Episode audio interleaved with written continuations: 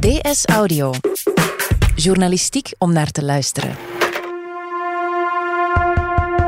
Al sinds midden maart zijn de scholen grotendeels gesloten.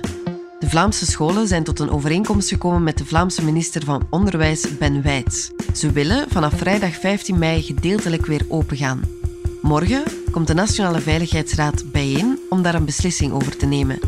Daarna volgt er overleg met de Duitsstalige en Franstalige regio's. Maar zijn de scholen daar wel klaar voor? En zitten onze leerkrachten wel te wachten om opnieuw voor de klas te staan, terwijl het coronavirus nog lang niet bedwongen is?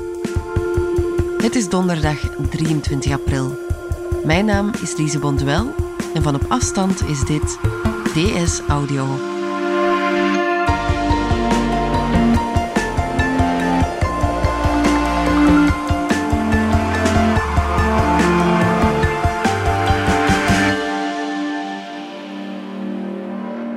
Dit gebeurde gisterenmiddag. De Nationale Veiligheidsraad beslist overmorgen hoe de maatregelen die nu gelden om de verspreiding van het coronavirus tegen te gaan afgebouwd kunnen worden.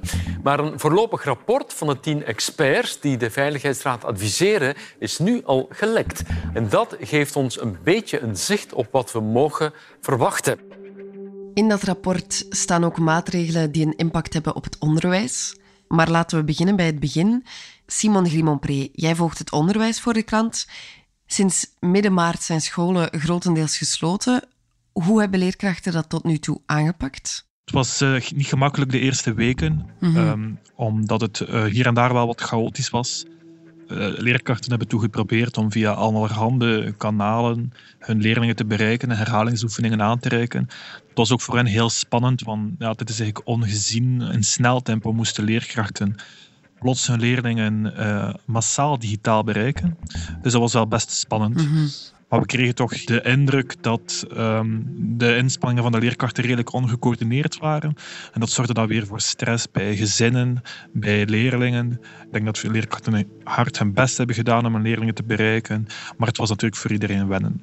Het probleem is natuurlijk ook, het is redelijk vrijblijvend. De richtlijnen van de overheid zijn redelijk duidelijk toetsen en taken zijn eigenlijk niet verplicht en kunnen ook niet meetellen voor het rapport. Mm. Dus het is moeilijk natuurlijk om bepaalde leerlingen daarvoor te motiveren. Dus uh, de eerste weken waren redelijk chaotisch wel. Mm -hmm. Chaotisch, er zijn met andere woorden veel problemen opgedoken. Ja, er zijn inderdaad veel problemen opgedoken. Dat is ook heel normaal, want het is, uh, deze operatie is ongezien. Voor leerlingen zelf natuurlijk. Heel wat leerlingen hebben eigenlijk geen toegang tot een laptop het is misschien wel zo dat een gezin mm -hmm. een laptop heeft ter beschikking, maar dan moet een leerling dat delen met broers of zusjes. Dus dat is helemaal niet eenvoudig. Er zijn natuurlijk ook veel leerlingen uh, uit kansarme milieus die helemaal geen toegang hebben tot uh, een laptop of tot wifi. En dat ja. beseft een school en de overheid ook. Dus uh, onderwijsminister Ben Wijts is samen met de Koning Boudewijn Stichting en de VZ2 Digital for Youth gestart met een project om laptops in te zamelen. Initieel was, was het de bedoeling om er 10.000 te verzamelen. Ondertussen is het doel 18.000. Dat inzamelen verloopt op zich redelijk goed, maar het is een enorm werk om die laptops um, leeg te maken en van de juiste software te voorzien en die dan uiteindelijk bij de scholen en bij de leerlingen te laten terechtkomen. Vorige week waren er zo'n duizend laptops geleverd. Het is de bedoeling dat deze week er 3000 volgen, maar dat zijn nog altijd relatief weinig laptops voor de vraag eigenlijk. Maar ondertussen zijn scholen en gemeenten ja. ook begonnen naast dat initiatief om zelf laptops in te zamelen, want het initiatief van de minister is voornamelijk bedoeld voor de middelbare scholen. Dus lagere scholen hebben ook massaal hun best gedaan om laptops in te zamelen. Dus dat was een probleem voor de leerlingen zelf en dat is ook een probleem dat ook mm -hmm. niet meteen zal verdwijnen. Waren er ook problemen bij, ja, bij de leerkrachten zelf? Voor heel wat leerkrachten is het natuurlijk volledig nieuw. Dus dat is uh, wel aanpassen aan uh, de software die gebruikt wordt. Dus leerkrachten die daar minder sterk in waren, moeten zich nu op in snel tempo bijscholen. Natuurlijk, het is ook niet mm -hmm. dezelfde dynamiek van in een klas te zitten. Ten eerste zijn al je leerlingen uh, niet aanwezig, dus dat maakt het ook moeilijk. Het is soms ook moeilijk om in te spelen op vragen van leerlingen, om snel feedback te geven. Dat is allemaal aanpassen, maar ja, in het begin is dat misschien moeilijk, maar leerkrachten worden er natuurlijk ook wel steeds beter in. Uh, leerlingen willen er ook steeds meer aan. Mm -hmm. Ik denk dat uh, veel scholen daar um, na de feedback van de leerlingen en de ouders uh, hebben bijgeschakeld en dat, en dat nu wel beter verloopt. De ouders zijn nu ineens uh, omgeschoold tot, tot leerkrachten. Wat is daar vooral het probleem bij geweest? Ja, het probleem is natuurlijk vooral met de jongere kinderen dat die wel echt hulp nodig hebben bij het maken van die taken en die opdrachten. Uh, voor de paasvakantie was dat al duidelijk. Nu met het pre-teachen is het de bedoeling eigenlijk vanuit de overheid, dat is toch een richtlijn, dat ouders maximaal twee uur per week bezig zijn met hun, uh, met hun kind, om uh, hun kind te helpen mm -hmm. om, om dat uh, afstandsonderwijs goed te voltooien. Maar dat is helemaal niet gemakkelijk. Veel leerlingen hebben blijkbaar toch echt wel hulp nodig. En dat zorgt eigenlijk voor een grote stress op gezinnen.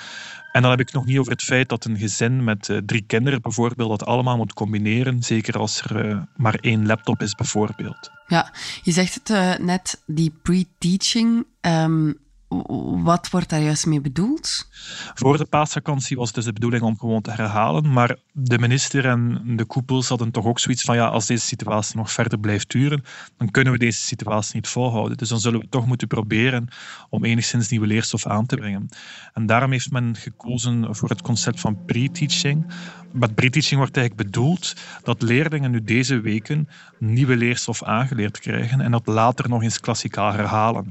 Want de minister en de koepels zijn natuurlijk wel zich van bewust dat heel wat leerlingen nu niet goed tot leren komen, omdat ze geen laptop hebben of omdat ze om de een of andere reden niet participeren aan het afstandsleren. Dus ja. het is echt noodzakelijk om nog eens klassikaal die leerstof te herhalen. Vandaar dat gekozen is voor dat pre-teachen.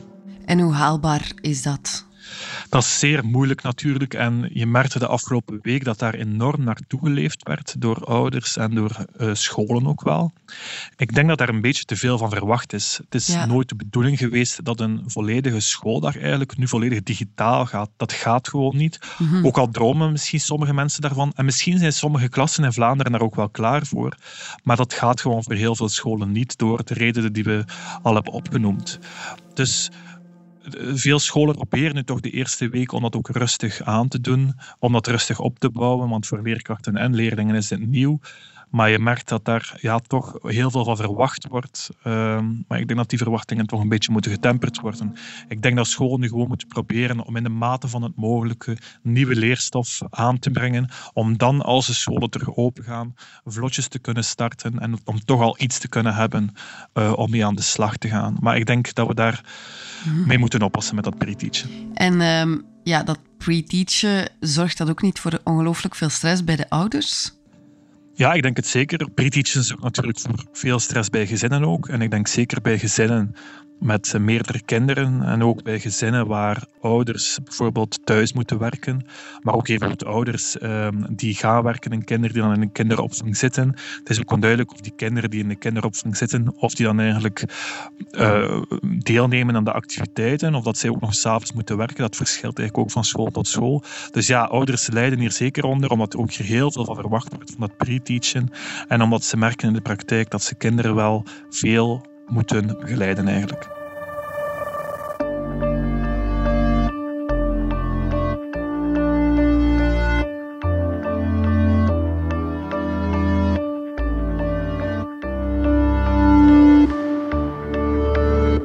Simon, de Binnenlandredactie lanceerde een oproep om te weten te komen wat de leerkrachten zelf denken over het heropenen van de scholen.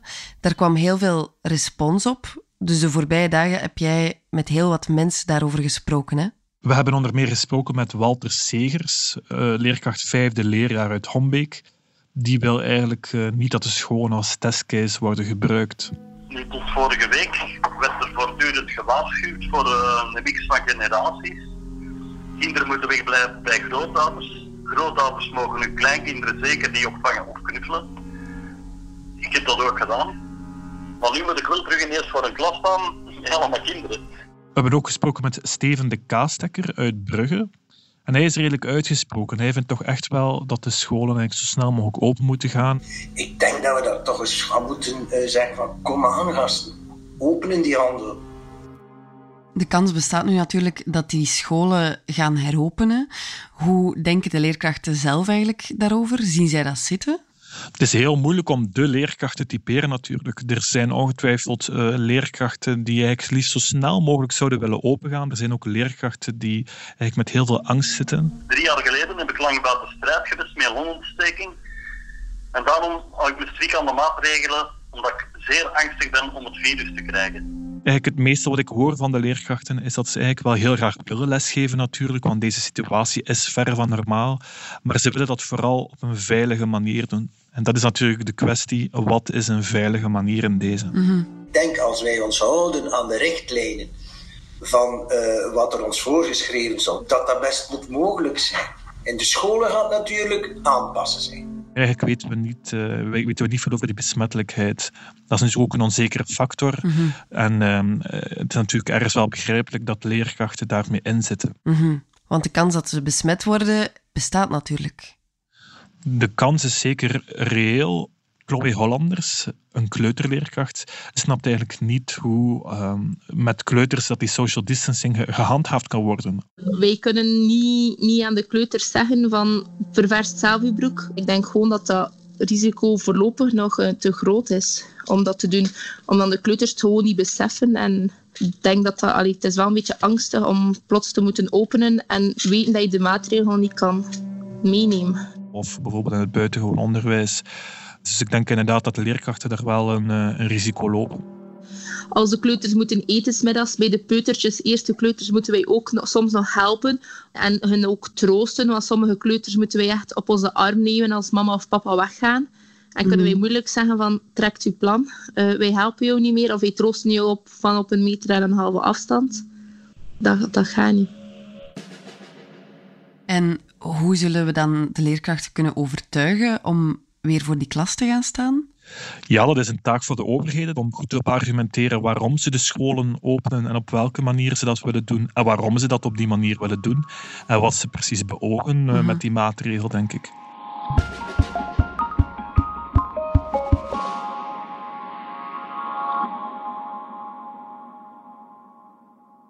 Gisterenmiddag, eh, woensdag 22 april, kondigde het kabinet van de minister van Onderwijs, Ben Wijts, aan dat het een overeenkomst heeft met de Vlaamse scholen. Wat zijn ze overeengekomen? Wel, er is een, een compromis gevonden tussen de minister, de vakbonden, de onderwijskoepels en ook een aantal virologen om eigenlijk op vrijdag 15 mei eh, te starten met de gefaseerde opening van de school. Dat is een advies dat men zal doen, dat men eerst zal bespreken met de Franstaligen en met de Duitsstaligen en dan zal adviseren aan de Nationale Veiligheidsraad. Dus vrijdag 15 mei zou eigenlijk een testdag zijn. Dan zou in het weekend bijgestuurd worden en dan vanaf maandag zouden dan de scholen eigenlijk echt gefaseerd openen. -hmm. En welke scholen zouden volgens dat voorstel dan eerst opengaan? Dus eerst heb je het lager onderwijs. Daarvan um, zouden het eerste en het tweede leerjaar vier dagen per week opengaan. En dan het zesde leerjaar twee dagen per week. Er wordt dan ook gevraagd om eigenlijk op een gemixte manier les te geven. Dus bijvoorbeeld voor het zesde leerjaar enerzijds fysiek op school, maar dan ook de andere dagen thuis. Mm-hmm. Voor het secundair onderwijs zou de focus liggen op de laatste jaar, dus op de zesdejaars. De leerlingen uit het ASO zouden één dag per week naar school gaan. De leerlingen uit het TSO en het BSO en het KSO twee dagen per week. En dan na één week zullen ze evalueren uh, wat er goed en fout loopt. En dan eventueel ook een uitbreiding doen naar andere leerjaren. Met de focus op het uh, tweede en vierde middelbaar. Mm-hmm. Kleuterscholen die gaan voorlopig niet open, omdat de social distancing daar niet kan gegarandeerd worden. Mm-hmm. Zijn er in dat voorstel dan concrete maatregelen genoemd die de scholen moeten naleven om de verspreiding van het virus binnen die scholen tegen te gaan? Ja, er is eigenlijk een heel draaiboek gemaakt om school te adviseren om uh, de veiligheidsvoorschriften zoveel mogelijk op te volgen. Het gaat bijvoorbeeld over eigenlijk maximum 10 leerlingen in een klas. Um, er wordt eigenlijk uh, vier vierkante meter voorzien voor één leerling en acht vierkante meter voor een leerkracht. Er wordt bijzonder veel aandacht uh, gevestigd op, het, op de handhygiëne. Leerlingen zouden moeten uh, bij het binnenkomen, bij het binnengaan van de klas hun handen moeten wassen.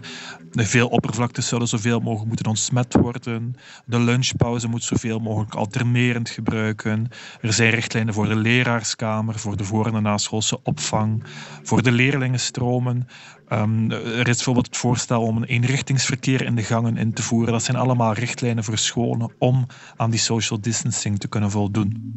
Ja, als dat voorstel goedgekeurd wordt door de Nationale Veiligheidsraad en de regio's, ja, dan staat er de scholen wel een zware klus te wachten om ervoor te zorgen dat zij op een veilige manier terug kunnen opengaan. Absoluut, dat zal een heel zware inspanning van scholen vragen. Gelukkig krijgen ze daar wel wat tijd voor. De datum ligt op 15 mei, dus er is wel wat tijd. Maar dat zal een enorme klus zijn natuurlijk. De vraag is ook bijvoorbeeld naar mondmaskers en handshell toe. Um, hoe zullen de scholen daaraan geraken? Wie zal hen van die dingen voorzien? En er is nu wel een uitgebreid draaiboek natuurlijk, maar er zullen nog heel veel vragen zijn van scholen, heel concrete dingen. Dus uh, de uitdaging is immens, maar gelukkig is er wel wat tijd ook nog. Mm En stel nu dat de Veiligheidsraad dat voorstel afkeurt en dus toch beslist wordt om de scholen dan nog maar wat langer gesloten te houden. Welke gevolgen zou dat hebben? Ja, dat zou redelijk dramatisch zijn, denk ik. Dan uh, gaat men voorlopig door met afstandsonderwijs en zal men toch proberen om zo snel mogelijk die scholen open te krijgen. Misschien eind mei of dan misschien begin juni. Maar ik denk dat we wel kunnen uitgaan van een scenario waarin de scholen opnieuw open gaan, zeker als je kijkt naar het buitenland. Bedankt, Simon Grimopré. Graag gedaan, Lise. Dit was DS Audio. Wil je reageren? Dat kan via dsaudio.standaard.be. Heb je vragen over corona? Weet dan dat je terecht kunt op de website www.info-coronavirus.be van de federale overheid. Je kunt ook bellen naar het infonummer 0800 14 689. In deze aflevering hoorde je Simon Grimonpré, Walter Segers, Steven de Kaasteker, Chloe Hollanders en mezelf, Lise Bonduel. De redactie gebeurde door Pieter van Malen, Brecht Plasgaard, Fien Dille en mezelf. De eindredactie door Annelies van der Roost. Brecht Plasgaard deed de audioproductie en schreef de muziek die je hoorde in deze podcast. Chef audio is Wouter van Driessen. De extra geluidsfragmenten die je hoorde kwamen van VRT. Vond je deze podcast interessant? Weet dan dat je er elke werkdag één kunt beluisteren. Dat kan via de DS Nieuws app of via standaard.be-audio. Je kunt je ook abonneren via iTunes, Spotify of de podcast app van je keuze. En als je daar dan toch bent, schrijf gerust een review. Zo toon je ook anderen de weg. Morgen zijn we er opnieuw.